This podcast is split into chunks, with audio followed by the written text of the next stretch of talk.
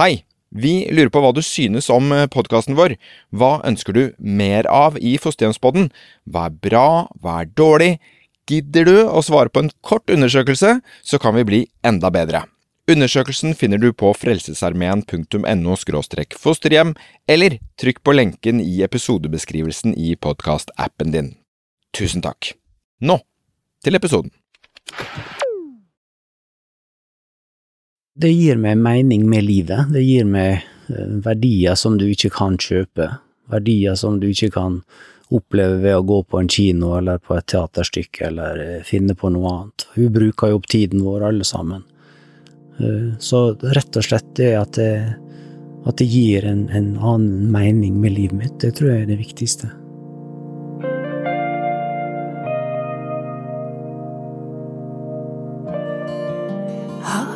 Alltid vært sånn? Ble jeg født ensom? Lå det aldri i kortene for meg å ha en familie og slå leir?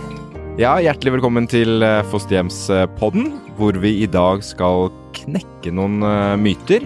Det er nok mange som har litt forskjellige tanker om hvordan det er å, å være et fosterhjem, hvordan det er å være eh, fosterhjemsforelder, eh, hvordan det er i forhold til andre barn i familien, og veldig, veldig, veldig mange andre spørsmål. Og med meg her i Frelsesarmeens studio, faktisk, anno 1970-tallet en eller annen gang. Her er det gamle instrumenter og gammelt lydutstyr rundt oss. Hvem er det jeg har med meg her? Vi kan starte med deg.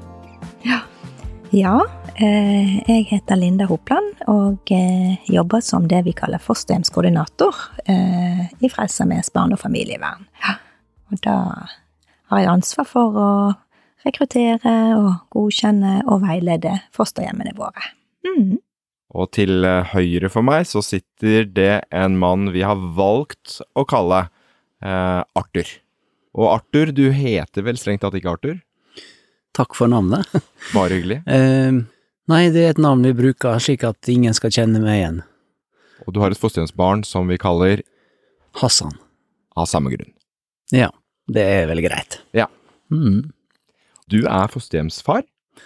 Ja, jeg har en gutt på 14 år boende hos meg, og han er krigsflyktning. Og derfor er det jo et forsterka fosterhjem, da. Hadde kanskje en del fordømmer mot fosterhjem selv, eller hadde du mange spørsmål når du startet prosessen?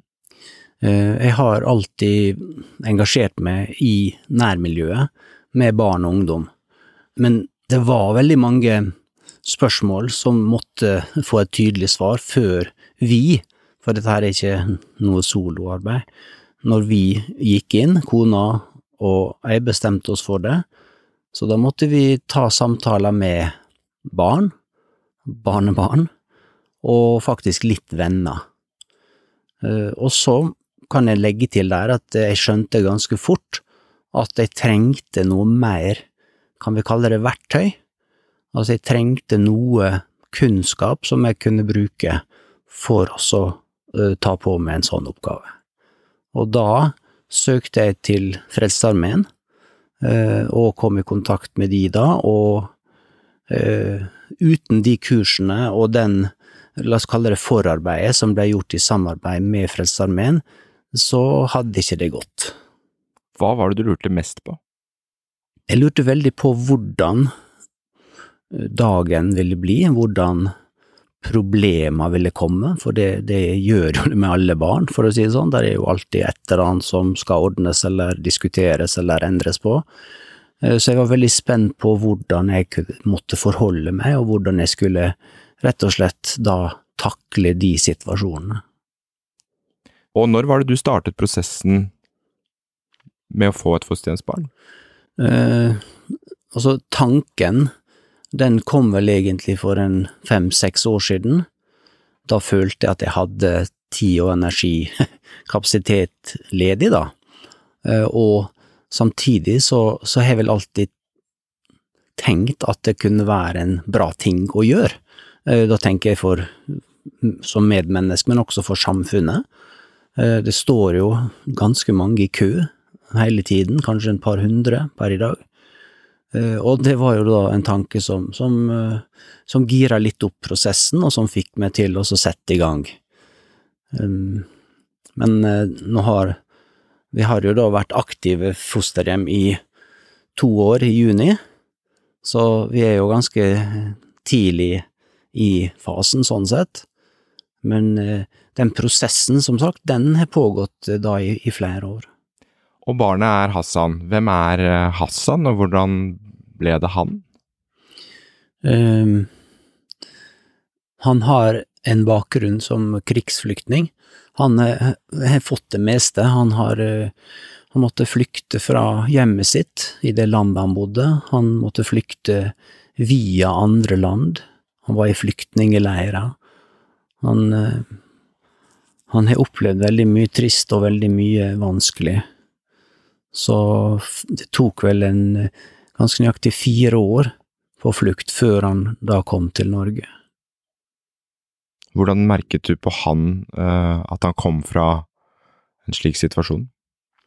Det som er litt interessant, er at med det samme vi møttes, altså juni for snart to år siden, så var det veldig lite du kunne merke på han. Han var flink og, og blid og grei, og, og han forsto det meste. Altså, han ga uttrykk for at, det, at han skjønte ting, og at han hadde gjort ting før, og Jeg kan ta et konkret eksempel andre eller tredje dagen han var hos oss, så ville jeg dra på badestranden for å bade, for det var varmt og, og, og fint. Eh, Og han ville helst sitte på mobilen eller på PlayStation. Eh, Så vi hadde en samtale på det, og jeg, jeg måtte vel egentlig kjøpe han med da, ved å friste med en, en is eh, når vi kom på, på badestranden da. Og da var det greit, så da var han med. Eh, Og da visste jeg at han, han kunne jo ikke å svømme. For det var jo noe av det første han fortalte meg, hvor langt han hadde svømt og, og gjort med andre venner tidligere. Så han starta med å øh, jeg vet ikke om jeg skal si spille en rolle, der han lot som at det ikke var noe problem, at ikke det var noe vanskelig, ikke noe som Alt var greit. Eh, Og så, utover da, eh, som ukene og månedene gikk, så, så kom det jo fram mer og mer og mer. Og i dag så, så kan da Hassan fortelle om eh, episoder, situasjoner, eh, både fra hjemlandet, fra flukten, fra tiden i Norge, som da faktisk ikke har kommet frem før nå. Hva går det på? Det kan gå på eh, eh, mye trist, da, altså my, mye ting som han har fortrengt. Han har ikke villet tatt det fram, han har ikke villet snakke om det. Så han, eh, han forteller jo da i, i detalj om situasjoner der han har opplevd negative ting, da. Vanskelige ting, traumatiske ting. Så, og det ser jo jeg på som positivt, og Linda nikker her, så det er jo på en måte det vi ønsker, at barna da skal eh, etter en tid få den trygghetsfølelsen som gjør at de kan åpne opp og fortelle virkeligheten, det som faktisk da har skjedd, og ikke Han hadde masse fantasier og ting han fortalte meg første tiden, som da bare var sånn tanker som han hadde laga for å overleve, for å Altså i, i For å kunne fungere uten å, å bli trist og lei seg, og så videre. Når skjønte dere at han hadde en slik fantasi? Eh, det, det var vel eh, for så vidt ganske lett å forstå det hele, altså fra starten av, men det er klart at det, du visste jo ikke hva som egentlig lå der. Og uten å vite hva et menneske tenker, så er det jo veldig vanskelig å tilføre hjelp og tilføre riktige kommentarer, riktige reaksjoner. Så det, det er en utfordring. Så i den fasen der, jeg vet ikke, Linda, om jeg kan kalle det analysefase, eller, eller så, der bli kjent-fase, der, der du faktisk bare lar barnet få snakke, lar barnet få lande, det, la barnet få finne ut av hvem de er, Jeg husker jeg sa det, at jeg håper Hassan en dag vil bli Hassan. At, at han ikke er en som er oppdikta og, og, og tilgjort. Og det tror jeg må være på en måte det overordna målet eh, som fosterforeldre og som fosterhjem, at barnet får lov å være seg sjøl. Hva vil du si til folk der ute som tenker nå kanskje umiddelbart dette hadde ikke jeg orket, eller dette klarer ikke jeg å håndtere eh, et barn med slike utfordringer? Mm.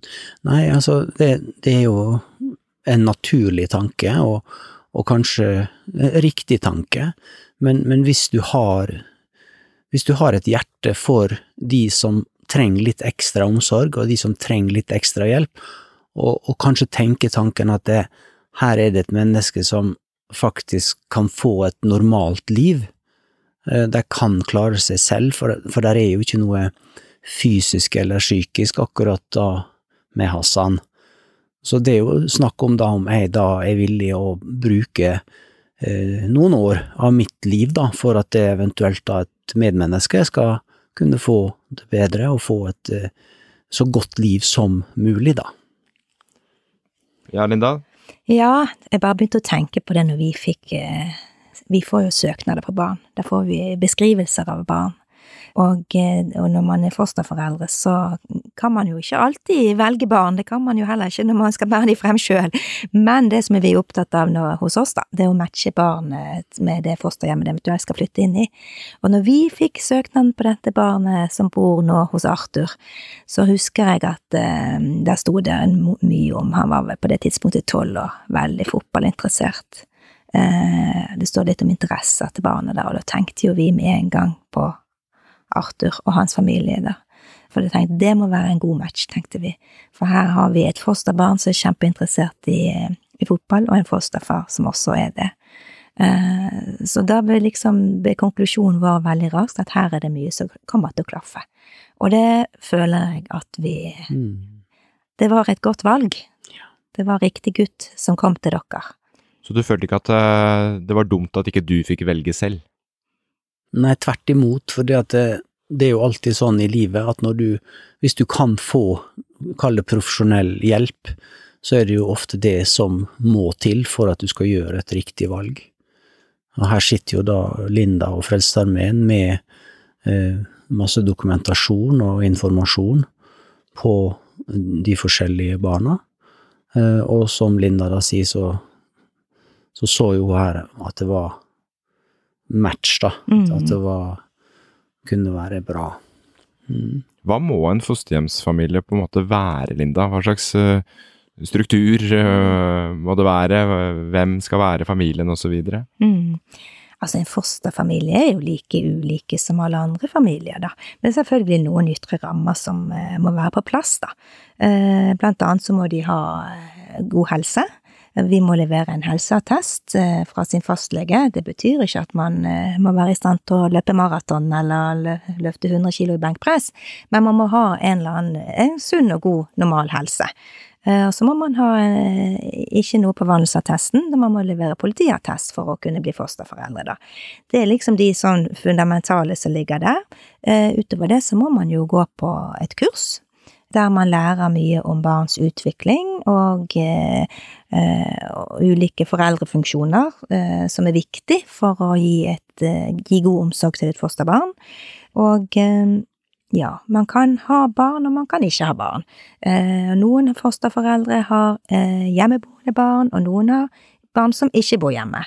og man kan være kan være religiøse, og man kan, trenger ikke å være religiøs.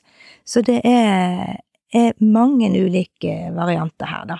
Men det er jo én ting som er, for å si det litt sånn uformelt, da, som er veldig gjenkjennbart, da, men som ikke gjelder akkurat Arthur. Men nesten alle fosterhjem har hund.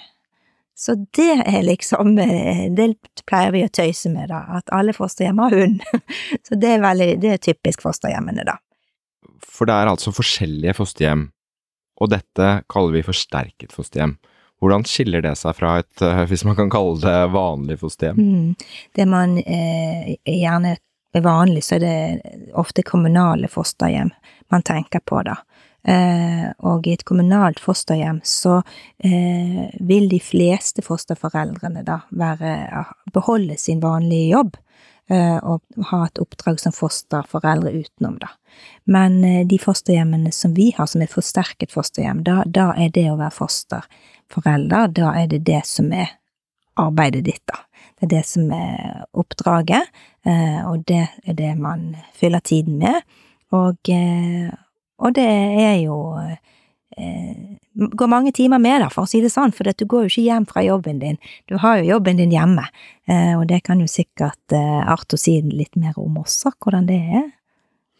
Jo, nei, det er veldig spesielt på den måten at du på en måte er på jobb hele Altså, når du er våken, så er du på jobb, egentlig og kanskje litt til og med av og til på natta.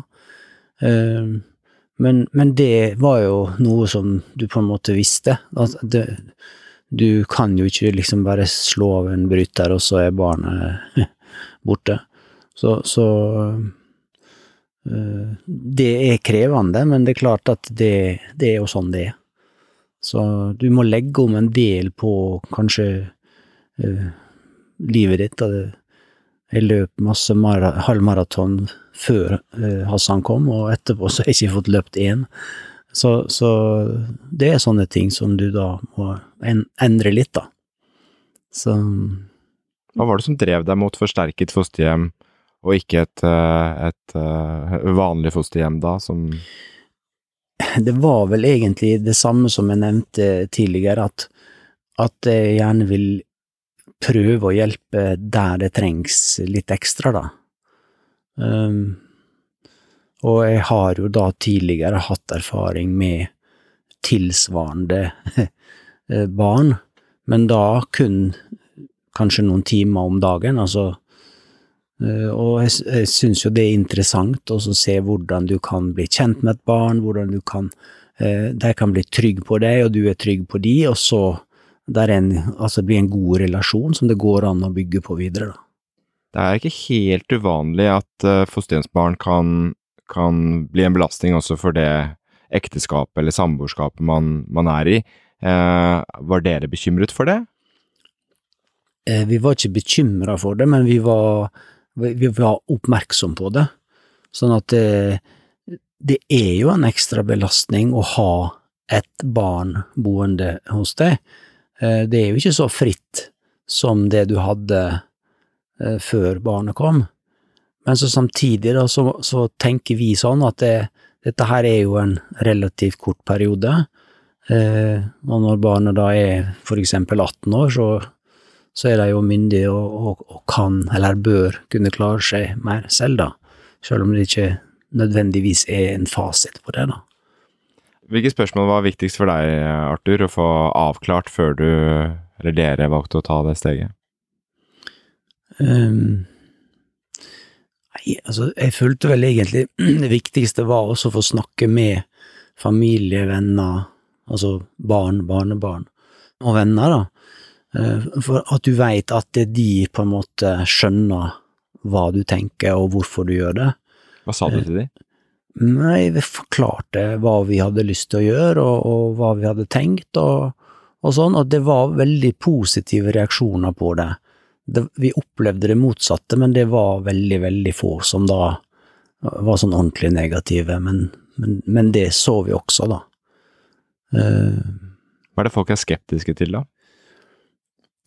Altså, de ser jo at dette her vil ta mye tid. Du kan ikke fortsette å liksom sånn på impuls dra til eh, noen på besøk. Altså, du, du, må på en måte ha et litt annet liv, da. Du må planlegge litt mer, og, og, og du låser deg jo veldig.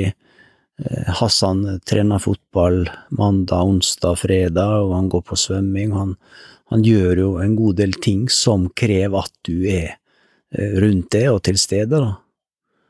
Til nå så har jeg vært på alle fotballtreningene hans nettopp fordi at han han eh, fungerer veldig fint så lenge så han er, skal jeg si, rolig, og så kan han plutselig bli veldig, skal vi kalle det, ivrig. Og når han er ivrig og, og litt sånn eh, opphissa, så, så klarer ikke han å styre så godt det som han gjør, da. Han er ikke voldelig, men han blir litt sånn voldsom, da. Og når du snakker med de samme som er skeptiske om hva som funker bra, da, hva, er det, hva, det, hva, forsvarer du på en måte ditt valg med? Nei, Altså, det er jo det at det, alt går an å få bedre. Alle problem som finnes i eh, mitt liv og ditt liv og, og Hassan sitt liv, det går an å analysere, vurdere, justere, og så komme videre. Og det er jo det som på en måte er drivkraften. Den, skal vi kalle det, frukta som du ser. Du ser hvordan han endrer seg, nesten fra uke til uke. Så eh, det er jo det som på en måte gir, gir det hele mening, da. Mm. Arthur er jo veldig flink til å, å se den utviklingen der, men det kan jo av og til være litt vanskelig når man står litt i det, da. Eh, da må vi noen ganger som fosterhjemskoordinator må vi jo hjelpe litt og så få litt fugleperspektivet da, for, det, for å kunne se den utviklingen da, som veldig, veldig ofte skjer med barnet da, når det bor i fosterhjem, i Mm. positiv forstand. Ja, hva får man av oppfølging? Jeg er jo i fosterhjemmene i snitt annenhver uke, eh, og eh, snakker og, med fosterforeldrene der. Og så har vi kontakt på telefon. Og så har vi månedlig gruppeveiledning, som er de fleste fosterforeldre er veldig glad, med, glad for. Da. Det blir jo på en måte eh, å treffe kollegaene sine, sant? for da, da treffer man andre fosterforeldre, sant? og de eh, kan jo kjenne virkelig på kroppen akkurat det som eh, fosterforeldrene selv sitter med, da. Og utover det så har vi kursing, både vi har fagdag, og vi har mulighet til å være med på sånn webinar på Teams og eh, innenfor Frelsesarmeens barne- og familievern sine egne opplæringsprogram, da. Mm.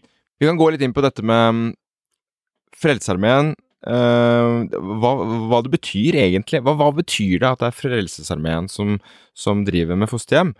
Har det noe å si for de som ønsker å bli fosterhjemsforeldre?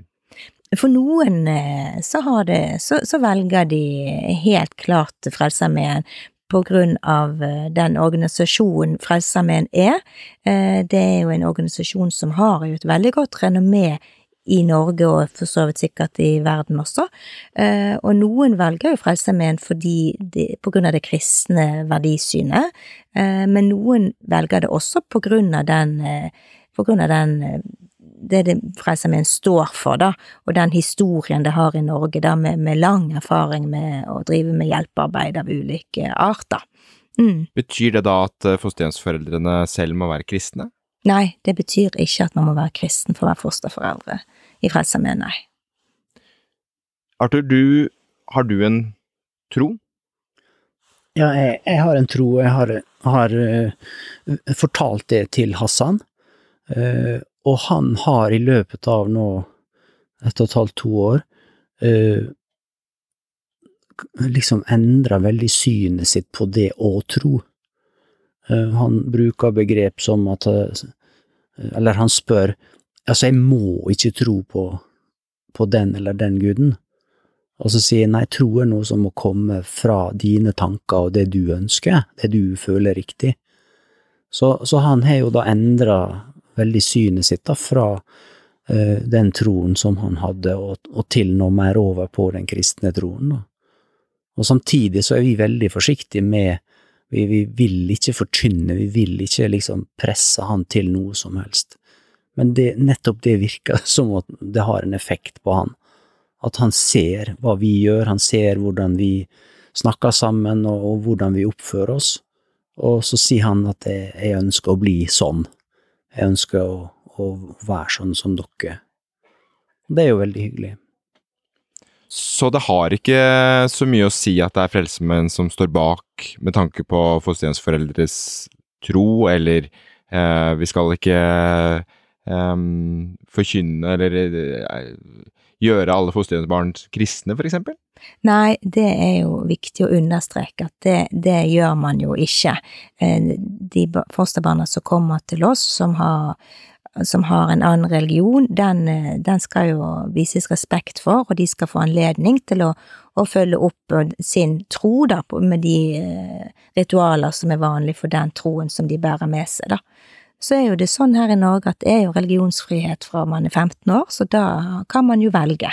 Eh, men det er jo viktig å understreke det at det er ingen av våre fosterbarn Det er ikke noe mål at våre fosterbarn skal bli kristne. De skal få bevare den troen de kommer inn i fosterhjemmet med, hvis det er det de ønsker. Og disse diskusjonene har du, Arthur, med, med ditt fosterhjemsbarn, Mm. Hassan. Ja da, eh, han begynte ganske tidlig å snakke om religion, eh, og veldig mange spørsmål som han hadde, eh, og jeg prøvde å svare så godt jeg kunne. Eh, så, så han har vært veldig opptatt av det. Eh, og nå, da, som han, han er jo snart 15 år, så er han jo veldig opptatt av det at han, han spør opp igjen og opp igjen, når han blir 15, kan han bestemme selv da? Og det må jeg jo da si, ja, det kan du. Så Det er jo litt den alderen han er i òg, for dette er jo i Norge der, så konfirmeres man jo Mm. Rundt om den alderen som Hassan er i, da, og da er jo det, blir jo det naturlig tema, tenker jeg, enten man er noe fosterbarn eller ei. Sånn, hva skal, eh, skal man konfirmere seg i kristelig, skal man konfirmere seg humanistisk?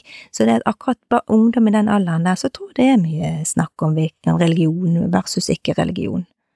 Så tro er ikke avgjørende, og det kan godt være at det er noen som hører på som øh, vil Som er en far og en far, og en mor og en mor. Um, det er ikke noe hemmelighet at Frelsesarmeens ekteskapssyn uh, er slik at uh, Det offisielle, i hvert fall. Det er mange som er uenig i det. uh, men det offisielle er at, man, at ekteskapet skal bestå av en mann og en kvinne. Um, hva har det å si for fosterhjemmene våre? Mm. Det er ikke noen begrensninger hos Frelsesarmeen i forhold til det, men meg bekjent så har vi ingen likekjønnede fosterhjem eh, hos oss nå, men det handler mer om hvem som kontakter oss, da. Eh, Men når det er sagt, så er jo eh, når et barn flyttes i fosterhjem, så har, skal jo foster, biologiske foreldre være med på å finne fosterhjem, i den forstand at de kan ha noe de skulle ha sagt, og det går blant annet i forhold til legning. Sant? At der kan eh, biologiske foreldre også ha eh, noe de skulle sagt i forhold til eh, å eventuelt flytte et barn inn i et fosterhjem med likesinnede fosterforeldre, da. Eh, Så det kan òg begrense seg der, da, i forhold til eh, det å være likekjønnet, da. Ja, hva slags kontakt har man med, med biologiske foreldre? Og, og, hva, og hvor langt strekker den bestemmelsesretten, holdt jeg på å si, seg? Eh, nei, altså, når et barn bor i fosterhjem, så er jo det et vedtak fra en fylkesnemnd som sier noe om hvor mye kontakt det skal være med biologiske foreldre, da. Eh, og der står det et samværsomfang, da, som er det vi kaller det, da. Eh, og der vil det stå hvor mye barna skal treffe sine biologiske foreldre, da. Så det ligger til grunn. Mm. Er det biologiske foreldre i, hos deg, Arthur? Ja da, det er det, og vi har vært på samvær, eh, der da barna møter foreldre, og vi er sammen da i en tre-fire timer. Det var, nå var det jo pandemien som kom, korona og litt sånt, og som ødela en del, da, men, men det skal vel være en sånn fire-fem ganger i året, noe sånt, at vi skal møtes da. Eh, Før pandemien så var det oftere, men så når den kom, og så nå så er det blitt endra litt. Mm. Og så da er det dette med barnets beste. Vil barnet på samvær? Altså det er mange ting du må, du må være litt varsom på, og så og kanskje er barn urolig i perioden før du skal på samvær, hvorfor er det det, og så videre. Og dette var jo ting som du ikke visste om, altså ikke tenkte over, ikke noen hadde fortalt sånn tydelig, da. Og det er jo umulig, du må jo fra tilfelle til tilfelle selvfølgelig oppleve det, da. Men eh, Hassan, han har jo nå valgt å ikke dra på eh, samvær. Eh, så prøver jeg å, å, skal si, snakke med han og, og oppmuntre han egentlig til å gjøre det. For jeg syns jo det er viktig at han prøver å, å ha litt kontakt med sine biologiske foreldre, hvis han, hvis han er i stand til det, hvis han klarer det. Som også da bor i Norge. Ja. Og det kan altså fosterhjemsbarnet bestemme selv hvorvidt man ønsker denne kontakten opprettholdt. det er jo vanskelig å tvinge et barn på samvær, da. Eh, men det er jo en rettighet de har, da, eh, til å treffe sine biologiske foreldre, da. Og, eh, og det er jo økt fokus på det. Og samværsomfanget nå i 2023 er nok ofte i de fleste barnevernssaker, vil jeg tro, høyere enn det var bare for få år tilbake, da, som et resultat da, ut av eh, at Norge har jo eh, fått eh, en del dommer i eh, menneskerettighetsdomstol i Strasbourg. Så, noen, så det er noen barn reiser på samvær og eh, ønsker det, og så er det noen barn som ønsker det mindre. Så er det noen barn som får reaksjoner i forkant, og noen barn får reaksjoner i etterkant av samvær. Men, men man har jo en en tanke om at barn eh, trenger å treffe sine biologiske foreldre, da, som hovedregel, selvfølgelig med unntak, men for å skape en tråd og, i sin historie, da, at det er viktig for barnets utvikling, da. Mm. Er det mange som er, jeg eh, vet ikke om bekymret er riktig ord i dette tilfellet, men som gjør seg noen tanker rundt at barnet kan få lyst til å returnere til biologiske foreldre?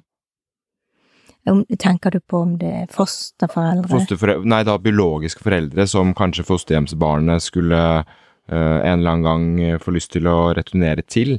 Uh, har man fosterhjemsbarn på en måte på lånt tid? Det har man jo. Uh, per definisjon så har man jo det.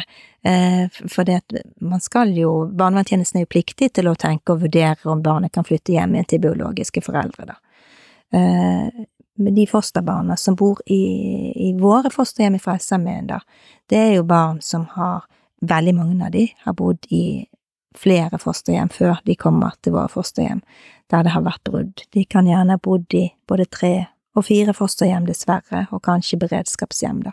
Så det er jo ikke barn som kommer direkte fra biologisk familie, da. Så derfor er det nå i mindre grad sannsynlig at de barna som bor i våre fosterhjem, blir flyttet hjem til biologiske foreldre. Hva er som Går det an å si hva som er den typiske årsaken til et brudd, da? Eh, I fosterhjemmet så kan jo det være mange årsaker til det. Eh, I de, det kan være egne biologiske barn. Eh, og det kan jo være det at oppdraget blir for krevende, da, for for fosterforeldrene, da. At det kanskje kanskje barnet som flytter inn, har en problematikk som man gjerne ikke var kjent med, eller som, som gjør det Som kanskje blir, blir vanskeligere for uh, fosterforeldrene enn hva man egentlig hadde tenkt, da. For det, man kan jo ha mange tanker, og det er jo litt sånn som Arthur sa noe om òg tidligere, og at man, man, forbereder seg jo med masse samtaler, det er jo en lang prosess. Eh, men man, det er jo ikke alltid man kan være forberedt på alt, og noen ganger så Altså, barn er jo i utvikling òg, så det kan jo være ting som ikke eh, vistes når barnet flyttet inn, men som kan bli sterkere smerteuttrykk underveis, da. Så det er vel det som er noe av årsakene til brudd i, i våre fosterhjem, da. Ja, hvor opptatt er dere av hvordan den familien er som fosterhjemsbarnet skal til? Eh, bør barn, bør det være barn der, bør det være kjæledyr, bør det være minst mulig av uh, ting og tang, eller ja. Mm. Nei, vi er jo veldig opptatt av fosterfamilien som barnet skal flytte inn i, da, så vi bruker jo mye tid på den prosessen fra noen tar kontakt med oss til de blir godkjent som fosterforeldre hos oss. Det er en ganske omfattende prosess, egentlig, og eh, i forhold til om det skal, ha egne barn eller ikke, så er det også ulikt, eh, og det vil også være ulikt i forhold til hvilke barn som skal flytte inn, da. Som regel så står det i søknaden da om barnevernstjenesten har vurdert om det kan bo barn, biologiske barn i fosterfamilien eller ikke, da. Så det, det blir ikke en fasit akkurat på den biten der, egentlig, da. Eh, kjæledyr, nesten alle fosterhjem har hund, så det er vi veldig vant til. Eh, og så det går i høyeste grad an. Det gjør det. Mm, og så kan man bo i i rekkehus, og man kan bo i enebolig, og man kan bo på gård, og det er mange alternativer, da. Det er ikke noe hinder, da, men som hovedregel er det at eh, man må eie boligen man bor i. Det handler litt om eh, stabilitet for eh, fosterbarnet, da. Mm. Mm. Hvorfor kan man ikke leie? Eh, Det er jo eh, tatt en vurdering på det i forhold til at eh, et leieforhold er jo mindre stabilt enn om man eier det. Eh, Og man ønsker jo å tilby et fosterbarn som eh, flytter inn i et fosterhjem, mest mulig stabilitet og forutsigbarhet i, sin, i sitt liv, da. Mm. Er det noen andre ting man må ha? Må man ha bil? Ja, må man ha bil? Eh, Det er ikke noe sånn formelt krav, men jeg vil jo kanskje anbefale å ha bil. det vil jeg jo kanskje ha, for det blir jo ofte en del eh, kjøring, da.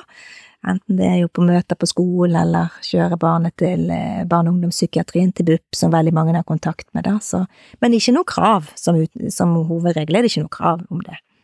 Arthur her sa jo han hadde noen spørsmål eh, selv. Hva, hva merker du da, Linda, av eh, hva er de vanligste spørsmålene som blir stilt når folk lurer på om de passer som forelder? Um, ja, mange lurer jo på akkurat dette med barn. Kan vi ha egne barn? Og så er jo det en del som eh, Noen kontakter oss gjerne som kanskje er uføretrygdet. Kan vi være fosterhjem når vi er uføretrygdet? Og svaret på det er jo ja. Må jeg si opp eh, jobben min? Og svaret på det er jo nei, for å si det for enkelt. Vi anbefaler ingen til å si opp jobben eh, for å bli fosterhjem hos oss. Da ønsker vi heller at de skal søke permisjon, da. Er det lett å få permisjon når man skal være fosterhjemsforelder? Eh, Man har jo krav på eh, permisjon inntil tre år, er det vel, da, for å oppfostre et barn, er det vel det heter. Mm. Så, men vi har jo opplevd det at noen arbeidsgivere da er kritiske til det, da. Men da pleier vi å hjelpe fosterforeldrene å, å, å skrive en søknad om permisjon, da. Så, for vi ønsker jo at, eh, at fosterforeldrene skal beholde sin opprinnelige jobb, da eh, og søke permisjon, for da har man jo muligheten å gå tilbake igjen til jobben sin, da. Mm. Og det du nevnte om egne barn, um, det kan jo være en utfordring i mange moderne familier nå, med Mm. bonusbarn og ekstra fedre og mødre her og der. Um, hvordan løste dere det, Arthur? Var du redd for at du for mye oppmerksomhet skulle gå på ditt fosterhjemsbarn, eksempel? Jeg, jeg kan ikke si at det var noe problemstilling. Eh, jeg tror vi var såpass fokusert og konsentrert på eh, hvordan vi skulle ta imot barnet, og selvfølgelig så jobba vi en god del rundt eh, barn, barnebarn og familie, nettopp for da å rydde bort hvis det skulle være noe problem, da, noe, noe som ikke gikk an å samarbeide om, da, for eksempel Hvordan gikk du frem da? eh, snakka og forklarte og sa at kanskje ville vi eh, få et barn hjem til oss som skulle bo med oss i x antall år, eh, og forklarte at det ville ta tid, at det ville, ville kunne gjøre at vi ikke var så fleksible, og så videre. Så prøve å være ærlig med seg sjøl, og, og ærlig overfor de nærmeste, da. Da vil du nok uh, ha større ve veldig mye bedre sjanse på at det blir vellykka. Hvordan har eh, Arthur blitt møtt eh, nå? Altså, nå har du jo to års erfaring. Hvordan, hvordan, hva har erfaringen vært? Eh, Hassan? Mm. Eh, nei, Hassan, ja. Nå sa jeg ja. kanskje Arthur. Nei, altså, det, det var litt vanskelig i begynnelsen, for da, da var han en annen. Han, han, han, han tok en rolle, han var en annen person, og han hadde veldig mye med seg fra tidligere, som han da brukte eh, når han møtte folk for første gang, og det sånne taktikker og metoder og oppnå ting på, det. Men etter hvert som han på en måte, skal vi bruke begrepet landa, altså når han, når han ble litt tryggere og sånn, så, så roa han ned det der spillet, og så, og så ble han mer Hassan. Så nå er han en helt annen, en helt annen gutt. Mye roligere, mer reflektert, viser veldig mye empati og omsorg. Eh, Veldig tydelig. På skolen, for eksempel, så får vi tilbakemeldinger på at nettopp han som trøster noen som har det litt vanskelig, eller som slår seg eller har vondt, og så videre. Så og det er jo veldig hyggelig og, og, og bra å se at det, at det skjer noe positivt for han, da. Hvordan er det å være med på en sånn menneskelig utvikling? Det er veldig spesielt. Det er veldig rørende, egentlig. Du, du merker at han uh, blir glad i det, at han At han Han trenger jo noen å være glad i, men han, han tør også å gi uttrykk for det, da. Så det er en veldig fin opplevelse, egentlig. Veldig takknemlig for å få lov å være det, da. Hva gir det deg personlig å være fosterhjemsforelder? Eh, Det gir meg mening med livet. Det gir meg verdier som du ikke kan kjøpe. Verdier som du ikke kan oppleve ved å gå på en kino eller på et teaterstykke eller eh, finne på noe annet. Vi bruker jo opp tiden vår alle sammen. Eh, Så rett og slett det at det, at det gir en, en annen mening med livet mitt, det tror jeg er det viktigste. Er det annerledes for deg å ha fosterhjemsbarn enn dine biologiske barn? Altså, kan man skille på det? Mm. Ja, det er ganske stor forskjell. For biologiske barn, de får du fra år null, og, så følger du de på en helt annen måte. Mens da Hassan kom når han var eh, tolv år Han ble tolv og et halvt da han kom, da. Sånn at det er veldig spesielt, det er det. Du kommer på en måte inn i et liv, du, du er ikke med fra starten av. Så, og det krever mer, men, men så samtidig så, eh, så, så ser du også sånn eh, veldig stor utvikling, da, at det skjer konkrete ting. Med ditt eget barn, så vet ikke, hvis jeg tenker tilbake, så gikk alt på en måte bare helt jevnt, og veldig få turbulente perioder, egentlig. Men, eh, men det er stor forskjell, det er det. Men når det gjelder følelsen som du har for, for fosterbarn, for å kalle det sånn det, så er de ganske like, ganske like sterke og like viktige, syns jeg. Så det, det er jo sånn som du ikke kan styre, sånn som du ikke kan bestemme deg for at han skal jeg bli glad i, men du blir ordentlig glad i, i han, altså. Hvor gammel er han nå? Han er 14 og et halvt. Skal han konfirmeres, for eksempel? Eh, Det er et åpent spørsmål som han får ta stilling til. Jeg støtter han på det han måtte velge. Så vokser jo barn raskt opp, og eh, hva tenker du om den dagen han blir myndig? Ja, det, det blir jo en stor dag, og, og det blir jo veldig spennende på mange måter. Vi har jo snakka mye om det, Eh, og jeg har jo sagt til han at det, han, han blir ikke kasta ut på 18-årsdagen, liksom. Så da får vi jo vurdere hva han trenger videre, og, og hvordan han er i stand til å eventuelt klare seg litt mer selv, da. Så det ser vi frem til. Som vi hører her, Linda, så bygger man jo Mm. sterke relasjoner. Um, ligger det noen frykt i at de relasjonene kan bli så sterke at det blir vanskelig også når, man skal, når den myndighetsdagen kommer, og, og det eventuelt blir noen endringer? Mm. Eh, ja, det, vi jobber jo da i litt sånn livsløpsperspektiv da hos oss. da. Vi ønsker jo det. Veldig mange av de barna som bor eh, i fosterhjem hos oss, de trenger jo eh, også fosterfamilien sin utover fylte 18 år, da. De trenger jo, og vi ønsker jo at de skal få være i livet til fosterhjemmene sine, da. Og ja, relasjonene blir sterke, utvilsomt.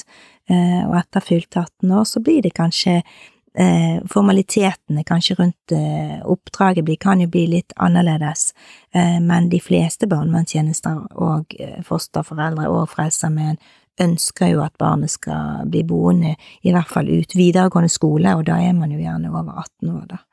Men det blir sterke bånd i veldig mange av fosterhjemmene våre. Det gjør det. Er det vanlig at man opprettholder en, en sterk kontakt også etter fylte 18? Selvfølgelig så spørs jo det hvor lenge barnet har bodd i fosterhjemmet, da. Vi har jo noen barn som flytter inn når de er 16 år, for eksempel, og da vil jo relasjonen være av kortere varighet, da. Men eh, det, der eh, det vanlige med barn som bor der lengre, så vil det være vanlig at relasjonen vil fortsette utover fylte 18 år, ja. Det er nå vår erfaring. Mm. Det er sikkert mange som har mange spørsmål om hva som skal til egentlig. Hvor, hvor sterk man må være for eksempel for å være en fosterhjemsforelder i et forsterket fosterhjem, hvor det ofte er utfordringer. Mm. I Frelsesarmeen så tror jeg våre fosterhjem føler det at, at de er jo ikke alene. De, vi er jo sammen, vi, denne veien går vi sammen med de, da, og eh, vi er tett på i forhold til dette med veiledning og kontakt, Og, eh, og det er, vi er en telefon unna, som vi pleier å si, da. Vi er veldig tilgjengelige på telefon om fosterforeldrene ønsker kontakt med oss, da. Eh, så det er, det er mange som står bak her, og vi er liksom et, en hel gjeng, da, som ønsker at dette skal gå bra, og som jobber for at det skal være en god plassering i fosterhjemmet, da. Er det mange som tar kontakt og tror at de egentlig ikke er gode nok eller fungerer som en fosterhjemsforelder? Det er jo en, mange som tar kontakt og er litt usikre på om eh, er vi gode nok. Sant? Har vi det som skal, skal til, det, det, som trengs? Eh, jeg tror nok kanskje mange har liksom en iboende usikkerhet i seg eh, omkring det, da. Men det vi søker er jo hovedsakelig vanlige eh, familier, altså man trenger ikke være noe supermann eller superkvinne for å bli fosterhjem vi fosterforeldre skal jo også gjenspeile det som er normaliteten i samfunnet, da. Så det skal Det er ulike fosterhjem, og det er ulike biologiske familier, så begge deler trenger man. Så har vi kanskje litt sånn tradisjonelle kjønnsrollemønster fortsatt, at eh, hvis noen skal eh, få lønn for å være fosterhjemsforelder, så er det vel eh, kvinnen som må ta seg av det. Det er jo ikke tilfellet hos deg, Arthur. Um, hva tenker du om at du er en av få menn, og at det kanskje burde vært litt flere menn som mm. gjorde som deg? Ja, nei, det, det, er vanskelig for meg å bestemme over andre menn, men iallfall det som ble viktig for meg, det var jo at dette var noe som jeg, som jeg hadde lyst til, noe som, som, som trigga meg, egentlig. Og Linda kjenner meg nå at når jeg går inn for noe, så går jeg inn for det 100 mm. Og det er jo viktig, da, og samtidig gi barnet slakk, for de trenger jo veldig mye tid og er inne i forskjellige prosesser. Um, men uh, jeg vil jo tro det at det er kanskje vanligere at menn satser på en karriere, og er derfor bundet til jobben, da. Også at da, kvinner som da kanskje har fått barn og, og måtte hatt uh, permisjon i forbindelse med det, at de da kanskje er litt mer fleksible, jeg vet ikke om det er en sånn logisk forklaring på det. Hvorfor er ikke du opptatt av det, da? Karrieren? ja, Nei, jeg er vel mer opptatt av, uh, av de her barna, da. Sånn at jeg, jeg føler jo at det, det, betyr mer for meg enn en de andre elementene som har med jobb å gjøre. Så hva sier du når du møter folk og du skal si hva du driver med? Jeg vet ikke om jeg sier så veldig mye, for han går jo ved siden av meg hele tida. Så han er et levende bevis på hva jeg gjør. Ingen har spurt hva jeg gjør på hvis at jeg, kjenner meg, for å si det sånn. Og hvis du møter noen sånn eh, tilfeldig ute, så er ikke det alltid at det er så naturlig å begynne å fortelle om barnet ditt, for å si det sånn. Han er jo barnet mitt. Han er jo faktisk det og han ser jo på meg som pappa. Så det er sterkt. Det er veldig sterkt. Mm. Sier dere det til hverandre, barn og pappa? Og eh, ikke sånn veldig tydelig, det er nok mer at vi er på, på fornavn, da, Arthur og Hassan, men eh, eh, det var mine to biologiske gutter med, de, de, kalte meg aldri pappa, de kalte meg bare for Arthur, da. Så Men han er jo veldig tydelig på det, at uh, han kan jo for eksempel i, i går når han skulle legge seg, så sa han du er, du er beste faren i hele verden, sa han til meg når han skulle legge seg. Og det er jo hyggelig å høre, da. Ja, det er litt av noe attest. Ja, med mindre han mente bestefaren, da.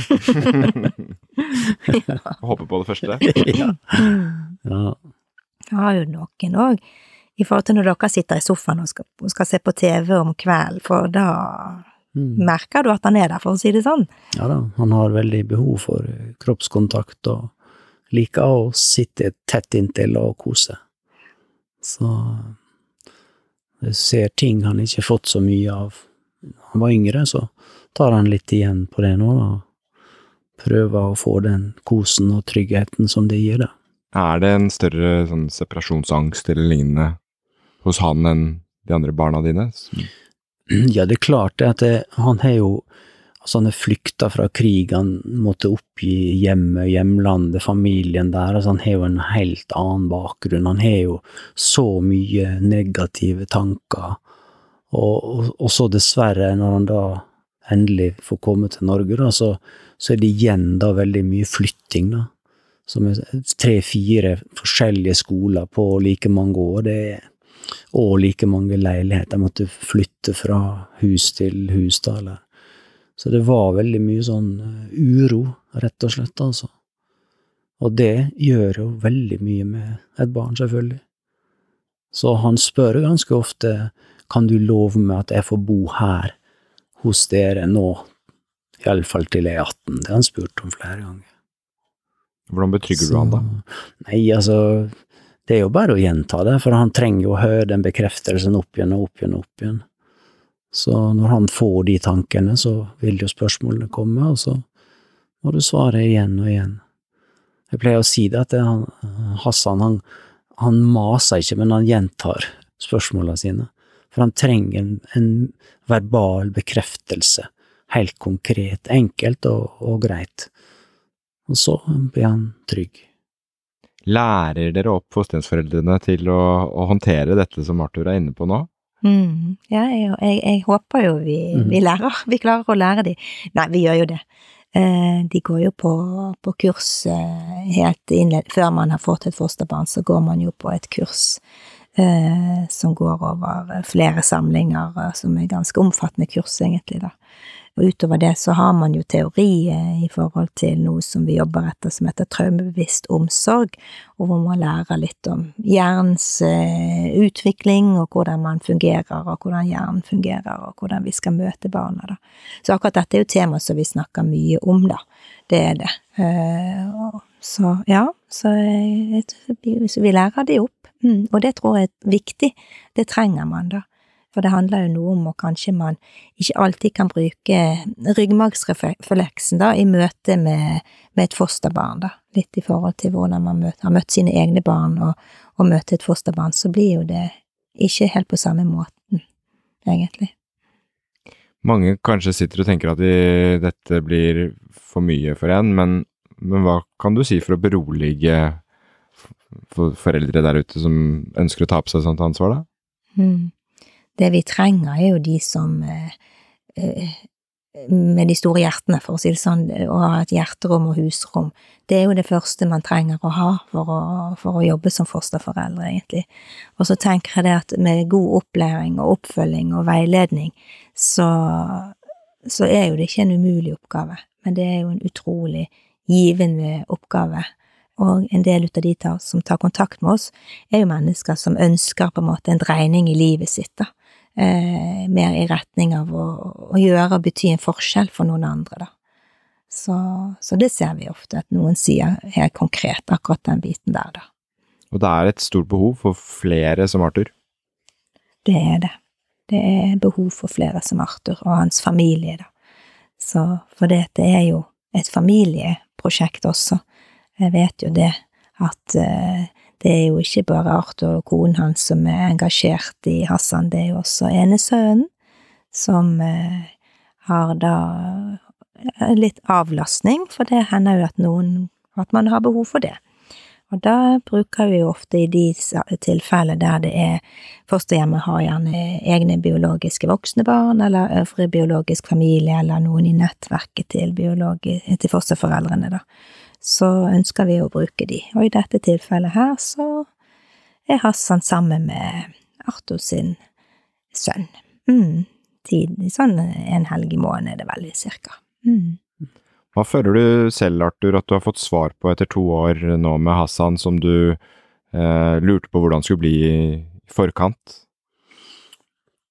Ja, det er ganske mye, egentlig. Ja.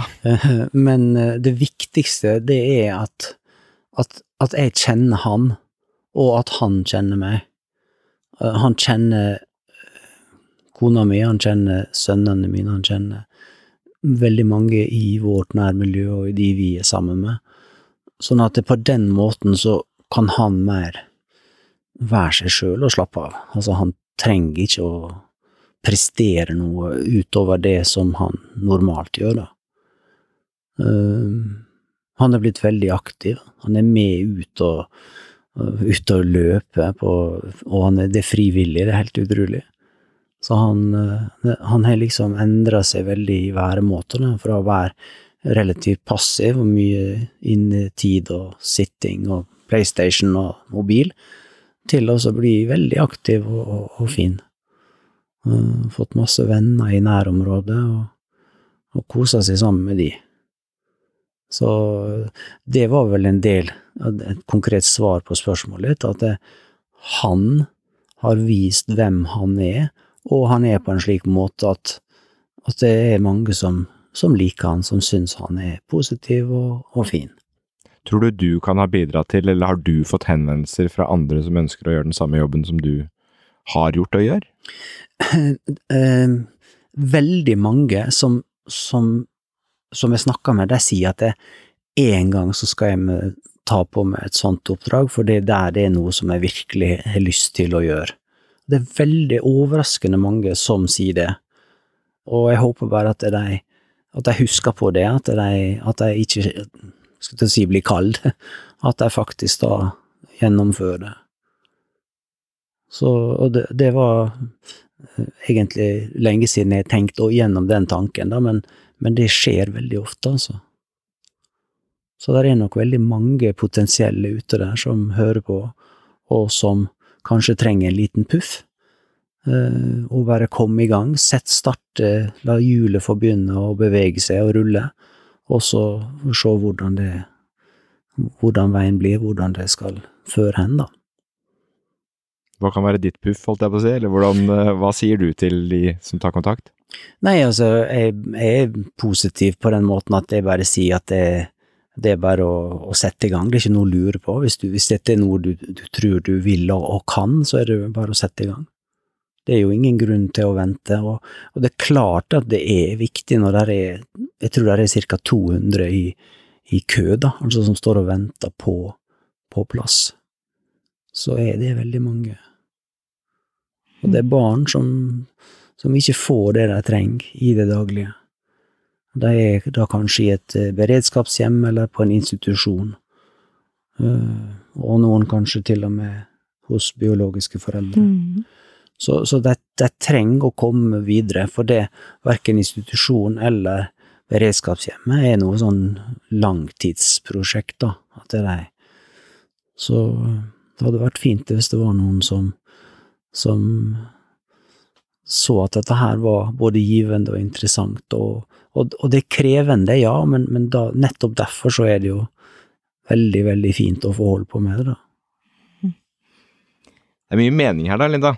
Mm. Er ikke alle på jakten etter mening? Hvorfor er det ikke flere, tror du, som, som uh, gjør som Arthur her, når vi hører hvor sterkt og fint og, og meningsfullt uh, en sånn rolle kan være? Mm. Ja, det har jo vi spurt oss mange ganger sjøl, egentlig. Hvorfor er det ikke flere som tar steget, da? Men det er jo kanskje Kanskje det er den manglende kunnskapen, og kanskje det er de ekte historiene da, fra de som går med de skoene på, altså eh, fra fosterforeldre selv, tenker vi kan være viktig da, i å kanskje være det siste dyttet som vi snakket om, da, eh, for at man tar kontakt, da, for dette er jo Jeg tenker det Arthur her beskriver jo mye ut av det som han og familien får ved å ha Hassan boende hos seg, da. For det er klart at det koster jo noe, men jeg tenker den, den verdien av det man får, overskygger nok det det koster, da, i, i de aller, aller fleste tilfellene. Og vi har vært litt inne på det, men det er, det er egentlig veldig få begrensninger her eh, mm. for potensielle fosterhjemsforeldre. Um, men det er noen ting. Og det går blant annet på, på helse og vandel. Mm. Ja, man må jo ha en, en, en normal helse. Så det, det, er ikke dermed ikke sagt at man må være ikke kan ha noen sykdommer, det, det kan man jo ha, men det, det er fastlegen òg eh, må utstede en helseattest som tilsier at man har en helse til å være fosterforeldre. Da. Mm. Er det mange som får avslag? Nei, det er, avslag er vel ikke et ord som vi bruker, da. Eh, før eh, oppstart av det kurset så pleier vi alltid å snakke en god del med, med de som tar kontakt med oss, og vi, vi gjerne tar et hjemmebesøk hjemme hos de, og så blir man sammen enige om at det kanskje det å gå på det kurset kan være lurt. Og selv på det kurset så, så, så er det ment at det skal være en prosess der eh, vi som eh, holder kurset, da skal formidle mest mulig av det, hva det vil si å være fosterhjem, og sånn at eh, de som går på kurset, da, eh, i størst mulig grad kunne ta en velbegrunnet avgjørelse da, i forhold til om dette er noe de ønsker å bli og gå videre med eller ikke, da. Så må jo vi også i Frelsesarmeen da vurdere òg om vi tenker at den familien som har deltatt på kurset, har det som vi tenker trengs for for å bli et fosterhjem, da. Mm. Jeg har eh, et vennepar som eh, har fire barn, hvor hun er overraskende, det er litt spesielt, men liker å føde. Eh, Så skulle jeg gjerne likt å ha hatt flere barn. Og nå sier mannen nok er nok for å lage flere barn. Men kunne en sånn familie fått et fosterhjem på toppen av de fire de allerede har? Det, det spørs jo helt på alderen til eh, biologiske barn som bor i den familien, om alle fire er hjemmeboende, og det er så mange eh, ting som må tas med i den vurderingen, for vil, det er jo helhetsbildet vi er interessert i, da. Så, så lage noen sånn retningslinjer på at eh, har du fire barn, så kanskje du blir fosterhjem, det fins ikke. Så det, det er alltid individuelle vurderinger, da.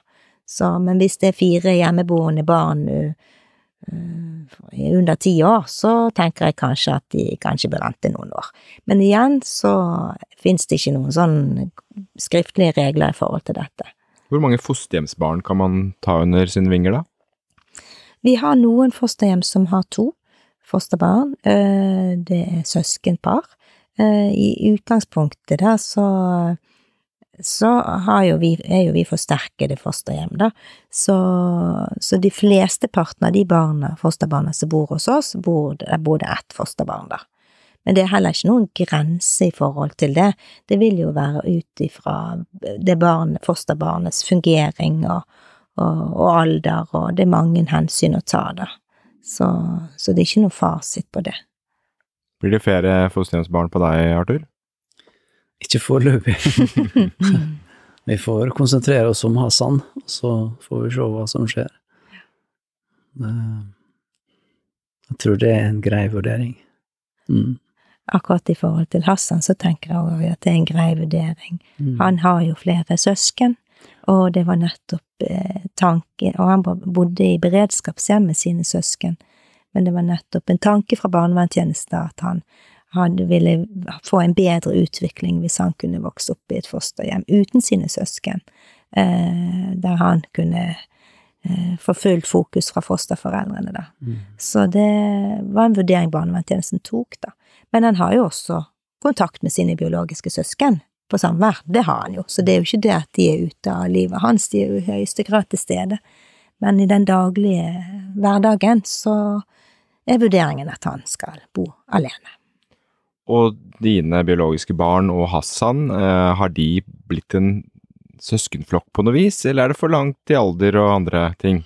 Det er nok litt stor aldersforskjell, men han, han sier jo til meg at han har fått to nye brødre. Så altså, han er jo Han, han syns jo det er trygt å si, da.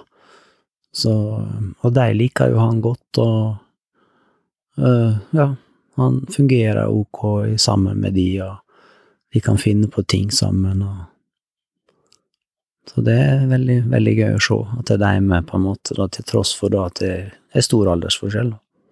Er folk redd for det, Linda? At eh, det skal på en måte eh, ødelegge en familieidyll som er der fra før, eller um, at det blir noen utfordringer på det? Jeg vet ikke om jeg, jeg har erfart at folk er redd for det i, i, i forkant, egentlig, da, men det er klart at det kan jo gjøre noe med familien, da, at det flytter et fosterbarn inn. Men veldig ofte så, så vil Når vi snakker med biologiske barn, eh, så sier jo de noe om at det har vært en berikelse for de, da, å få et fostersøsken. Så Men vi har jo òg erfart det at det, selv med barn som ikke bor hjemme, de, de merker det jo, sant at det kommer et fosterbarn, de vil også merke at foreldrene deres blir opptatt, mer opptatt, mer tid brukt på det fosterbarnet, da, så kanskje de vil oppleve at de mister litt tid med sine foreldre, da. Eh, så, men at det er noe sånn bekymring for at det skal ødelegge eh, familier, det kan ikke si at vi opplever at folk har, da. Kan kanskje gå andre veien også, Arthur. Jeg vet ikke om det har styrket forholdet ditt til kona di, eller har det gjort noe bra med, med, med familien? Ja, du lurer på om jeg skal ha hund? ja. ja. Nei, eh, jeg tror det er positivt. Det er jo av og til vi blir litt slitne begge to, da.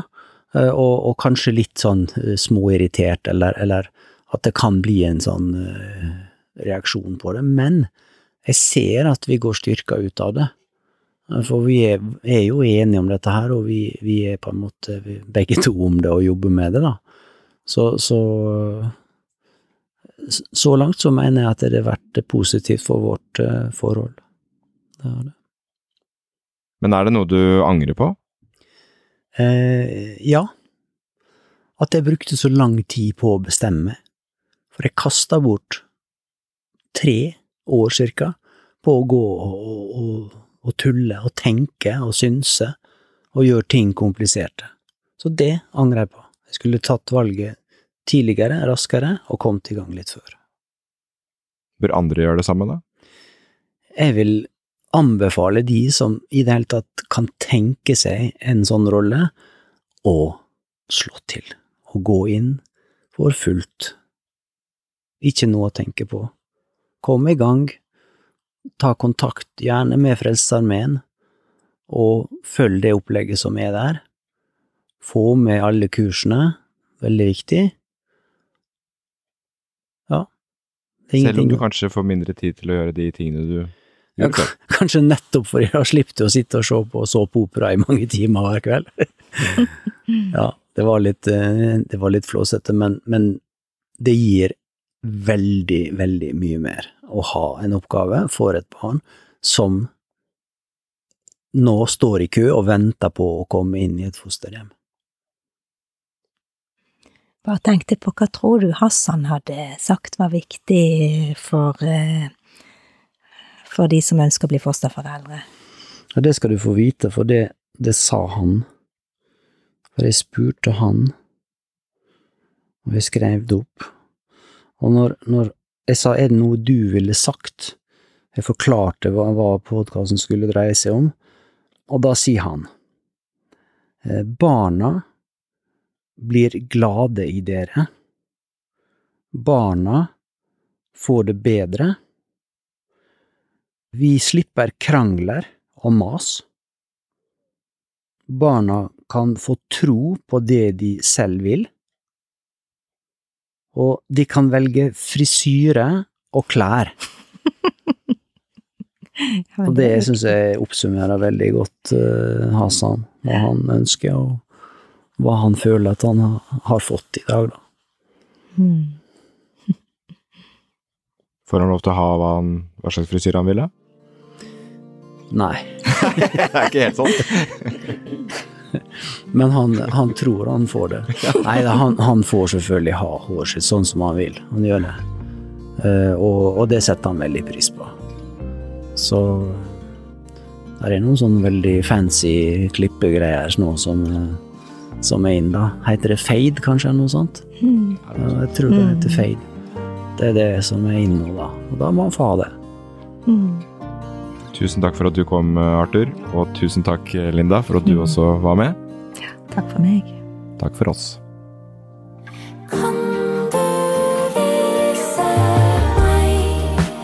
Tusen takk for at du hørte på Fosterhjemspodden. Vil du vite mer om det å være fosterforelder, så har vi samlet uh, alle de typiske spørsmålene som folk lurer på, på vår nettside, og svart så godt uh, vi kan. Den lenken den finner du i podkastappen din. Og der kan du også abonnere på uh, sånn at de nye episodene kommer automatisk inn på telefonen din.